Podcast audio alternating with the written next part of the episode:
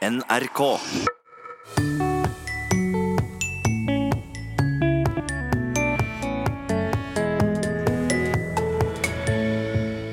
Det Norske Teatret vier sceneplass til et eget språkshow.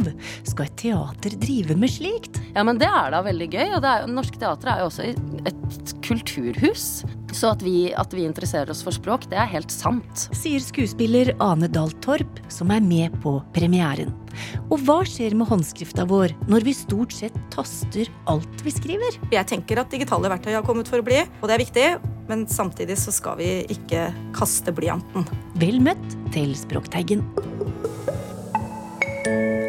Språk engasjerer. Det vet vi som samles i og rundt Språkteigen.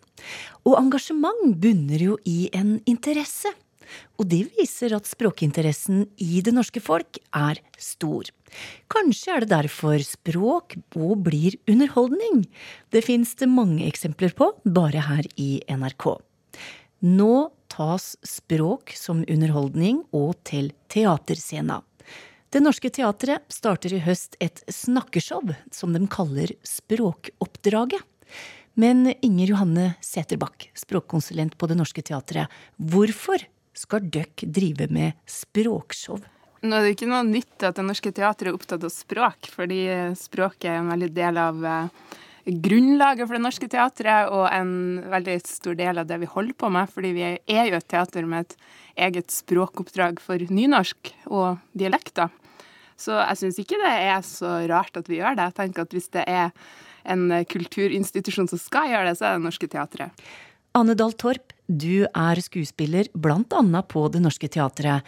Hva syns du, skal teatret drive med språkshow? Ja, men det er da veldig gøy. Og det er, Norske Teatret er jo også et kulturhus. Språket er jo noe som er virkelig det er, det er en forutsetning for Det Norske Teatrets eksistens. Eh, nynorsk er ryggmargen vår. Vi hadde ikke eksistert uten nynorsken. Så at vi, at vi interesserer oss for språk, det er helt sant. Mm. Um, så at Det Norske Teatret tar det til scenen, eller til et uh, format der folk kan møtes om en språkprat, det er veldig, helt naturlig og veldig gøy. Og så leste jeg litt på nettsidene deres hvor det står at dette showet her skal bidra til å forske og prate og å finne meninga med språket. Det er ganske dypt, da. Ja, det er svære greier. Men jeg tenker at vi er litt sånn språkforskere i det daglige på Det Norske Teatret, fordi at alle hele tida tar sånne små dykk inn i nynorsken. Og eh, vi har jo alltid Skuespillerne bruker jo sin egen klangbunn i sitt eget talemål til grunn for, for nynorsken, og det fører jo hele tida til, at vi driver med en del forskning i hver enkelt sitt språk, da, og inngangen til på en måte fellesspråket. Mm. Eh, så det er kanskje artig å prøve å ta litt av den forskninga videre. Kanskje publikum vårt blir mer bevisst på den språkjobben vi gjør på teatret òg, da. Eh, og eh, ja, det er jo store spørsmål, men kanskje vi kommer litt nærmere dem. Ja, Vi kan jo begynne med deg, da, Ane Dahl Torp. Hva er meninga med språket for deg? Det er å gjøre seg forstått. Enkelt og greit. Og så har jeg nok også et ønske om å um, uttrykke meg adekvat i forhold til situasjonen jeg er i. Eh, samtidig som det her er jo noe man mister muligheten til med en gang man prøver seg på et annet språk, men å liksom bruke ord som, som gjenspeiler min persona, da, eh, med tanke på eh, bruk av slang og motuttrykk, eh, og også fremmedord, gammeldagse ord, eh, å velge kort og godt ord som man liker, som hører hjemme i ens person. Mm. Vi skal òg høre litt mer om hva språk er for deg som skuespiller. For du og komiker Herman Flesvig er første par ut på språkoppdragscena. Og hva er temaet da, Inge Johanne? Vi starter jo på en måte med det, det som ligger nærmest hjertet til folk, tror jeg. Altså det tarte språket og dialektene. Eh, og ser litt på eh, hvordan Ane og Herman bruker det i, i rollearbeid. Eh, og så skal vi snakke litt om liksom trender i dialektbruk og holdninger til dialektbruk. Så det blir en sånn blanding av eh, anekdoter og forskning og litt sånn eh, personlige refleksjoner knytta til språk, da. Ja, og da til språk i jobben, Ane. For du er fra Bærum, og da må jo du ta til deg en dialekt som skuespiller på Det Norske Teatret. Og for så vidt òg i andre roller. Og det må jo være en stor språklig utfordring. Ja, der er jo folk veldig forskjellig utrusta. Noen er jo ekstremt raske på det. Og smetter over som en kameleon. Jeg er ikke sånn. Jeg må arbeide hvis jeg skal gjøre det. Ja. Hvordan arbeider du da? Eh, det største arbeidet jeg har gjort på det, var jo helt klart i forbindelse med Heimebane. Og da satt jeg veldig mye med Trine Wiggen. Mm, Skuespiller Trine Wiggen, bosatt i Oslo, men fra Stjørdal. Ja, og snakket med henne og tok opp henne som snakket. Og så hørte jeg på det, og så spilte hun også inn replikkene mine. Um, men, og så snakket jeg rett og slett trøndersk hele tiden fra jeg gikk inn dørene her på Marienlyst. Så snakket jeg bare trønder med alle i produksjonen. Og det var veldig flaut i starten. Kjempeflaut. For da jeg følte meg dum da jeg følte at jeg gjør meg til. Men når jeg møter folk fra produksjonen nå, så er det nesten litt ubehagelig igjen. Fordi jeg snakker østnorsk, så føler de at de ikke kjenner meg. Nei. Hvis det er der vi har hverandre fra. Du sa til meg at det har vært en fordel å være dattera til far sin, og da Ja. snakker vi om Arne Torp. Mm. Eh, På hvilken måte? Nei, jeg har jo blitt eh, pepret full med, med språkentusiasme og interesse eh, fra Altså i ett kjør hver eneste gang, og, og små, små talefeil har blitt eh, Å, interessant feil, og skrivefeil, og mm, Sier du det? Og at det er veldig en voldsom interesse for språket, og det kjenner jeg jo virkelig at er en fordel for meg. Helt konkret i mitt skuespillerarbeid. Ikke bare hvis jeg skal snakke en annen dialekt, men også på eh, min egen dialekt. At jeg har et veldig sånn forhold det ikke, At det er ikke likegyldig for meg hvorvidt jeg sier det ordet eller det ordet. For jeg kjenner Det er akkurat som og har, det er også noe som har kommet i og med at jeg har arbeidet lenger. At jeg, eller at jeg har arbeidet ganske lenge nå. At jeg kan mm, Hvis jeg har en god tekst, så kan jeg kjenne ordene. De er veldig taktile. Det er nesten så det føles som noe jeg kan ta på. Og at sånn Æh, det ordet der, det er ikke mm, Det er ikke bra. Det er ikke riktig. Eh, selv om ordet Det er ikke noe feil med det, verken grammatikalsk eller i forhold til eh, det du skal uttrykke, men det Opplevelsen av det, og da, det, da snakker vi jo ikke språk som noe man forsker på, men som noe som er eh, Det ligger i ryggmargen. Ja, rett og slett. Men har du fått mye kjeft, da? For trønderdialekta di? Ja, jeg fikk jo det òg. Ja. Da ble jeg kjempesur. Eh, da ble jeg veldig sur. Jeg vet at den ikke var eh, eh, helt eh, perfekt.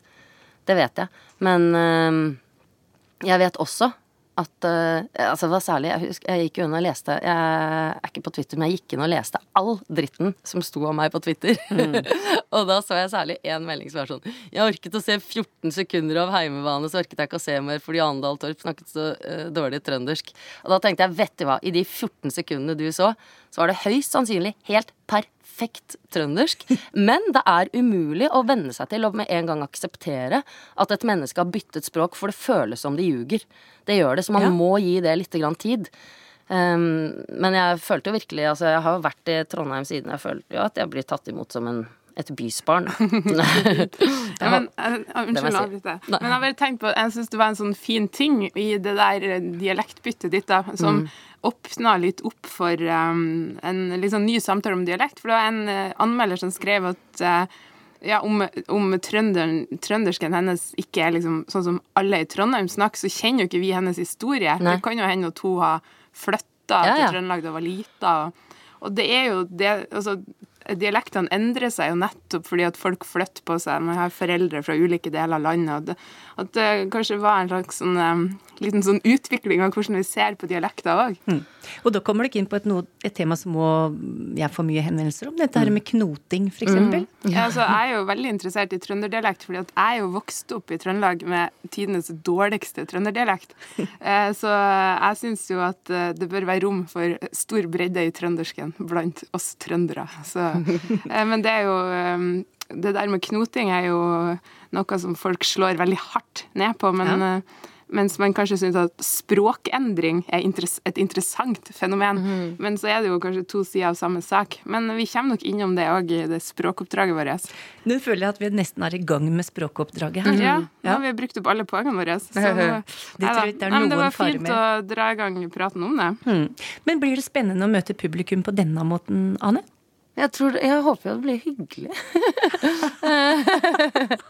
At eh, Ja, jeg tror det. Jeg syns det. Um, ja. Ja, vi må bare håpe. Ja. Og dette snakkeshowet om språk starter altså på Det Norske Teatret 18. september. Takk til deg, skuespiller Anne Dahl Torp, og språkkonsulent Inger Johanne Sæterbakk.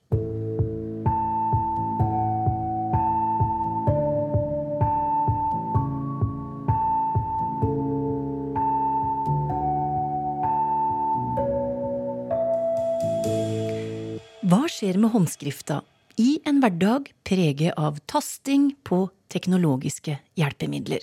Vil den forsvinne helt, og i tilfelle når? Og har det noe å si at stadig flere skoler gir unga iPad allerede fra første trinn? Dersom man elsker og frykter Gud, og påkaller ham med en trofast og stødig tro Statsarkivar Vigdis Stensby Hamar klarer å lese gammel gotisk håndskrift. Da blir man fri fra pestilens og dør ikke av henne. Uten så er evige allmektige Gud. Her fra Henrik Smids legebok fra 1650. Men vil noen forstå det vi skriver for hånd i dag, om 350 år? Du har fått en vits som du nå har skrevet ned med din håndskrift på et ark som jeg har tatt bilde av med programmet som skal gjøre dette til EDB-skrift. Underholdningsprogrammet Utakt på NRK P1 ville teste om dataprogrammet Pen to Print kunne oversette håndskrift til digital skrift. De skrev ned en vits for hånd og skanna den i programmet. Har du lyst til å lese den vitsen? Som jeg nå har skrevet? Ja. Mannen var bekymret for konas hørsel og spurte legen sin hvordan han skulle teste om det dreier seg om reelt tap av hørsel. Legen ga ham det rådet at når han kommer hjem, skulle han passe på å si noe til kona fra døren, og hvis han ikke fikk svar, gjenta det fra litt kortere avstand, og så helt nært kona, men hun måtte stå med ryggen til. Han gikk hjem og da han åpnet døren, så han at kona sto ved kjøkkenbenken med ryggen til. Han gjorde som legen sa, og spurte kona hva skal vi ha til middag. Ingen svar. Han gikk til kjøkkendøra og gjentok spørsmålet. Ingen svar. Til slutt sto han rett bak kona og sa hva skal vi ha til middag? Da er kona tydelig irritert, snur seg og sier for tredje gang kylling. Alt dette har jeg skrevet ned med min håndskrift. Ja, den er lesbar for meg, og den er lesbar for programmet mitt, eh, som nå har tatt bilde av teksten og oversetter den til EDB-tekst. Mannen var bekymra for kon as hersel. Ja. Og spølle legen Altså Spølle legen sier hvordan han steller teiler om det dreier seg om reell for han har reell? Akkurat, da. Da var litt av premisset vekke. Ja, det kan du si. Ja. Legen ga ham det vatf, at når nan tom, jum slede han passe på a si no fell illiona fra dere og husban. Akkurat. Hva skal vi? Le fil middags? Lappens svar. Han gilju bli igdiljadera og gerlela speres mil lupere svar. For tredje gang, killing! Klarte nesten sluttpoenget. Ja, nesten sluttpoenget. Klarte ikke kylling, men ville servere kylling. Det tastes stadig mer. Både unge og voksne skriver det meste på telefon, nettbrett eller PC. Men hva skjer med håndskrifta vår når vi langt sjeldnere enn før skriver noe for hånd? Iris Hansson Myran, universitetslektor på Nasjonalt senter for skriveopplæring og skriveforskning på NTNU, har forska på håndskrift i skolen. Hun fant ut at en god del elever på tiendetrinn har ei håndskrift som er lite funksjonell. Det som skal til da, for at håndskrift skal være funksjonelt, det er at den må oppfylle to krav. Skrivekvalitet og skrivehastighet. At andre da kan lese skrifta med normal lesehastighet, og også deg selv. Og være, den skal da være i samsvar med det man tenker er akseptert standard for håndskrift. Mens hastighet, det vil si at du klarer å forme skrifta så fort og raskt at den ikke tar fokuset bort fra andre viktige elementer som skjer når du skriver. da, Det å komme på ideer, det å være kreativ osv. Så, videre. Så det handler altså om skriveflyt og skrivehastighet, og ikke om at det er sirlig og vakkert, eller det som da tidligere ble kalt skjønnskrift. Iris Hansson Myran sier at det å utvikle ei funksjonell håndskrift er hardt arbeid. Det er jo sånn at det å, Bare det å skrive og skape en tekst det er en veldig sånn kompleks prosess. og Det er ikke sånn at elever nødvendigvis er så veldig liker å skrive bestandig. Men motivasjonen handler ofte om at de har verktøy som gjør dem i stand til å mestre skriving. Og skal du bli god på noe, så må du øve, og ikke minst få veiledning underveis i denne øvinga. Og målet må være at elevene får da en skrift som er leselig og forståelig. Det at flere og flere skoler nå gir barna iPader og PC-er allerede på de første trinna, hva vil det få å si for håndskrifta framover? Jeg tenker jo at det er ikke digitale verktøy som ødelegger håndskrifta. Det, men kanskje at man velger bort å, å gi elevene mulighet til å kunne bruke analoge verktøy. Og det de ofte bruker som begrunnelse da, når man velger bort, det er at det tar altfor mye tid å øve. og så er det ikke minst det at man ønsker å ta hensyn til elever med dårlig motorikk, og det er det noen elever som har. Eh, og ikke minst at de ønsker at det skal være økt motivasjon gjennom å få skrive digitalt.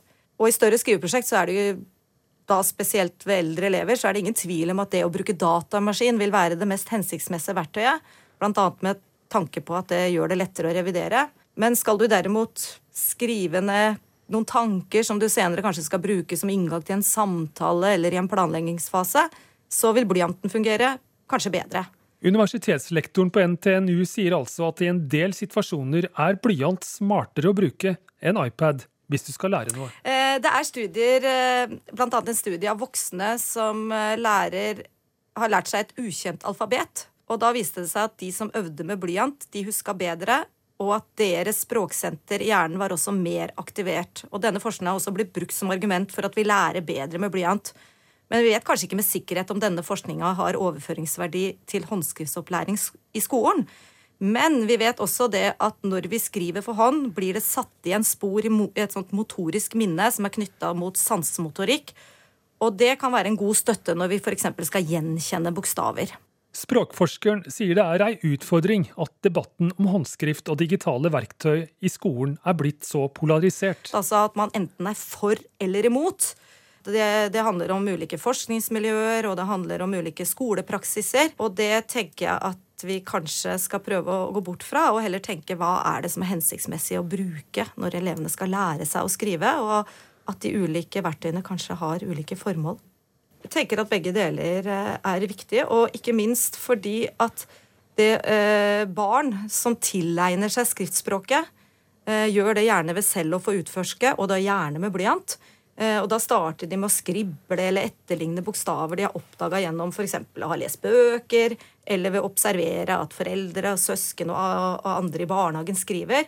Og blyant er jo da et skrive- og tegneredskap som barnehagebarna har brukt mye og har mye erfaring med.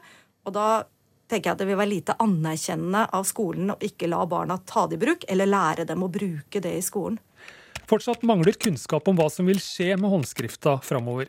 Men nå er det satt i gang to nye forskningsprosjekter som skal gi bedre svar på hvordan håndskrifta påvirkes av stadig mer tasting på digitale verktøy. Fordi at vi mangler forskning på dette området. og og de, de undersøkelsene som er gjort, har gjerne vært basert på erfaringer eh, blant lærere.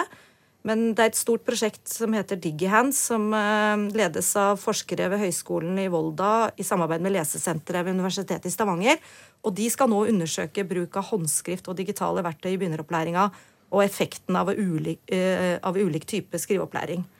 Og så har vi i tillegg et annet stort prosjekt på begynneropplæring som handler om funksjonell skriving de første skoleårene, som er NTNU og Skrivesenteret som er eh, ansvarlig for. Og jeg håper at disse to prosjektene da kan på en måte gi oss ny innsikt og ny kunnskap om hva som på en måte er hensiktsmessig å gjøre i framtiden. For jeg tenker at digitale verktøy har kommet for å bli, og det er viktig. Men samtidig så skal vi ikke kaste blyanten. Så vil håndskrifta fortsatt være et viktig kommunikasjonsmiddel om la oss si 20 år? da? Ja, jeg tror nok ikke den vil forsvinne med det første. Og fra høsten 2020 så iverksetter nye læreplaner. Og i det siste utkastet som vi hadde til høring, så var det fortsatt kompetansemål i, i læreplanen som sier at elevene på barnetrinnet skal utvikle en funksjonell håndskrift. Noe som da vil innebære at skolen skal gi elevene opplæring i analog skriving, da på lik linje med skriving på tastatur tror også vi ellers i samfunnet vil bruke analoge skriveredskaper når det er hensiktsmessig. Det sa Iris Hansson Myran, universitetslektor ved Nasjonalt senter for skriveopplæring og skriveforskning på NTNU. Reporter Stein S. Eide.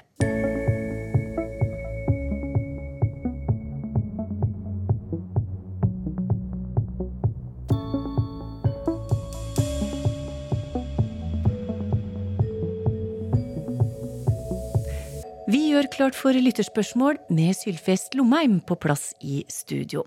Første spørsmål kommer fra Eli Ommundsen. Her i Aust-Agder kan vi si om en beruset person at vedkommende er litt på en kant. Hvilken kant er det snakk om? Og så sier vi jo å komme på en kant med hverandre dersom to personer blir uvenner. Hva med den kanten? ja, det, det, er mye å si om kant, Eli. Og eh, dette er igjen et dømme på at eh, når vi har et ord, et vanlig ord som en kant, kanten på noe, som gjerne er ganske kvass av og til, og vi kan sette den på endestykket, og da kan det jo vippe til begge sider hvis vi setter et, en, eh, en, planke eller ei bok eller hva som helst på kant, så kan det nå vippe til sides. Og da begynner vi å skjønne at um, han er litt på en kant, da kan du rulle eller dette, dette over. Eh, du, vi har jo til og med verbet å kante, som betyr å dette. Dette til sides, altså. Eh, og da er ikke det vanskelig å forstå at hvis du er litt på en kant, så kan du tippe over dette. Altså kanta. Og det å komme på kant med noen, da kan vi se for oss den spisse sida av en kant, og hvis den blir enten sett mot noe annet, eller at noen setter den kvasse kanten ned på bordet, da er det krise. Ikke krise, men iallfall kamp, motsetnad. Å komme på kant med, da er det ikke åpen og vennskapelig stemning lenger. Så Sjøl om kant er kant, altså bare kanten på et eller annet, så kan også dette ordet, som mange ord i språket vårt, ha mange funksjoner. Og da, Torunn, må jo understreke at det at et ord ikke har bare én bruksmåte, men gjennom kreativitet og fantasi hos oss som bruker språket, går i litt flere retninger i bruksmåtene, det er nettopp det som gjør at språket vårt er så funksjonelt og, og levende og, og, rikt. Fordi hvis Kant hadde bare ei fastlagd tying, og bare skulle brukes slik, punktum, så hadde vi fått et stivt språk og et fattig språk og et lite fleksibelt og funksjonelt språk. Valmetak er en type takkonstruksjon. Hvor kommer ordet valme fra, og hva betyr det, spør Guttorm Dahl Johnsen. Når vi snakker om valmatak, en taktype, så har vi med et ord å gjøre som kommer fra tysk. Det tyske ordet er også med V, vølben, og det betyr kvelva. Altså noe som er, er kvelva over. Og da er vi òg i retning av å forklare sjølve taktypen. For det er en taktype der det ikke er gavla i, i enden. Det, det er um, Taket går på skrå ned til og med i begge endene, ikke bare på langsidene. Da er det valma tak. Og da kan vi jo ta med ordet møne med det samme, fordi at møne det er jo selve ryggen på et hus, enten det nå er valma tak eller ei. Og ordet møne det er i slekt med eh, mån på gammelnorsk, som igjen har gitt oss man, hesteman, altså sjølve topphalsen på hesten. Hestemana, det ordet er i slekt med å møne på et tak, og da ser vi jo med en gang sammenlikninga. Espen Viste spør kan noen forklare ordet naut? Jeg vet at i Nord-England så blir ordet nåt uttalt som naut. Kan det være noe felles der, spør han. Ja, det tviler jeg på. Jeg, ikke, jeg, kjenner ikke de engelske dialektene så godt, jeg må være ærlig nok på det. Men, men at vi kan forklare ordet naut, det er helt problemfritt. For det går Det er egentlig et veldig gammelt ord. Det er, det er eldre enn kanskje både okse og ku hos oss. For naut går tilbake til ikke bare gammelnorsk, men til og med mot indoeuropeisk, sjølve moders- eller urspråket. Og naut, som jo i moderne språk betyr, betyr kveg, altså storfe, og vi kan til og med bruker det som et skjellsord. Og ditt naut'. Ja. Ikke sant? Og det er jo fordi at eh, verken ukse eller ku er blant våre mest intelligente dyr. Det er jo faktisk grisen som er den mest intelligente oppi fjøsen. Det veit vi. Men, men naut går attende til et gammelt ord som rett og slett har med eiendom å gjøre. Og hvis vi tenker på et ord som nytte, at vi har nytte av noe, så er ikke det tilfeldig. Og det å ha nytte av noe er historisk sett i slekt med naut. Altså det er noe vi eier, noe som vi har nytte av, har glede av å eie. Til slutt i dag så skal vi bore litt i det franske språket. Det er Palle I. Jacobsen som har lest ei novelle, både på fransk og på norsk. Og Sylfest, kan du ta originaltittelen på, på fransk? Tittelen på den franske novellen er L'enfant de la haute mer. Og det betyr da på norsk Barnet fra det åpne havet. Og i den novellen så har Palle L. Jacobsen funnet en setning som han lurer på. Og måten den er oversatt på. Og da føler jeg at jeg har funnet rett person. Sylfest Lomheim, oversetter og fransk. Ja, det er en jeg god får- kombinasjon. Jeg får ikke være kunstig smålåten. Jeg har innsikt i dette, ja. Ja, Det kler deg ikke å være smålåten. Nei, ikke som sogning. Nei. Nei. Kan du lese den setningen, eh, Sylfest? Elle ne parviendrait pas à lui donner la mort. Og da mener Palle at direkte oversatt så betyr det hun greide ikke å gi henne døden. Det er helt rett, for donner er å gi, L'amour er døden, og lui er Det kan være ham eller henne, og i dette tilfellet så er det altså henne. Men i den norske oversettelsen så står det hun greide ikke å drepe henne. Og da eh, lurer Palle litt, for sitatet her er da henta fra en poetisk tekst. Og for meg, skriver han, så kan det å gi døden tolkes som mer som en barmhjertighetshandling. Å drepe er mer nøkternt, nøkternt og eventuelt aggressivt. Hva sier du til her? Jau, eh, for det første må jo streke under at eh, det er jo konteksten og stilen, og det er jo det Palle Jacobsen er inne på, som vil avgjøre den valøren vi legger i eh, Donner l'amour. For det betyr jo enten å ta livet av, eller å drepe, eller hva som helst. Men vi har jo òg et annet verb på fransk, som er det vanlige verbet for å drepe, og det er tuer. Og det er jo ikke det som står her. Her står det donner l'amour, å gi døden til noen. Og der har vi jo på norsk et uttrykk å ta livet av. Det vil nok sannsynligvis ha vært ei bedre omsetning å skrive hun greide ikke å ta livet av henne. Men dette, nå er vi midt inne i et univers som jeg har jobba mye med. Det sier litt om hvor hårfine nyanser det ofte er i språkbruk, og at personer som er dyktige til å omsette, de gjør en imponerende språkjobb. Det var siste svar i dag. Takk til deg, Sylfest Lomheim. Har du spørsmål, så er e-postadressa vår teigen krøllalfa nrk.no. Vi høres om ei uke. Ha det bra.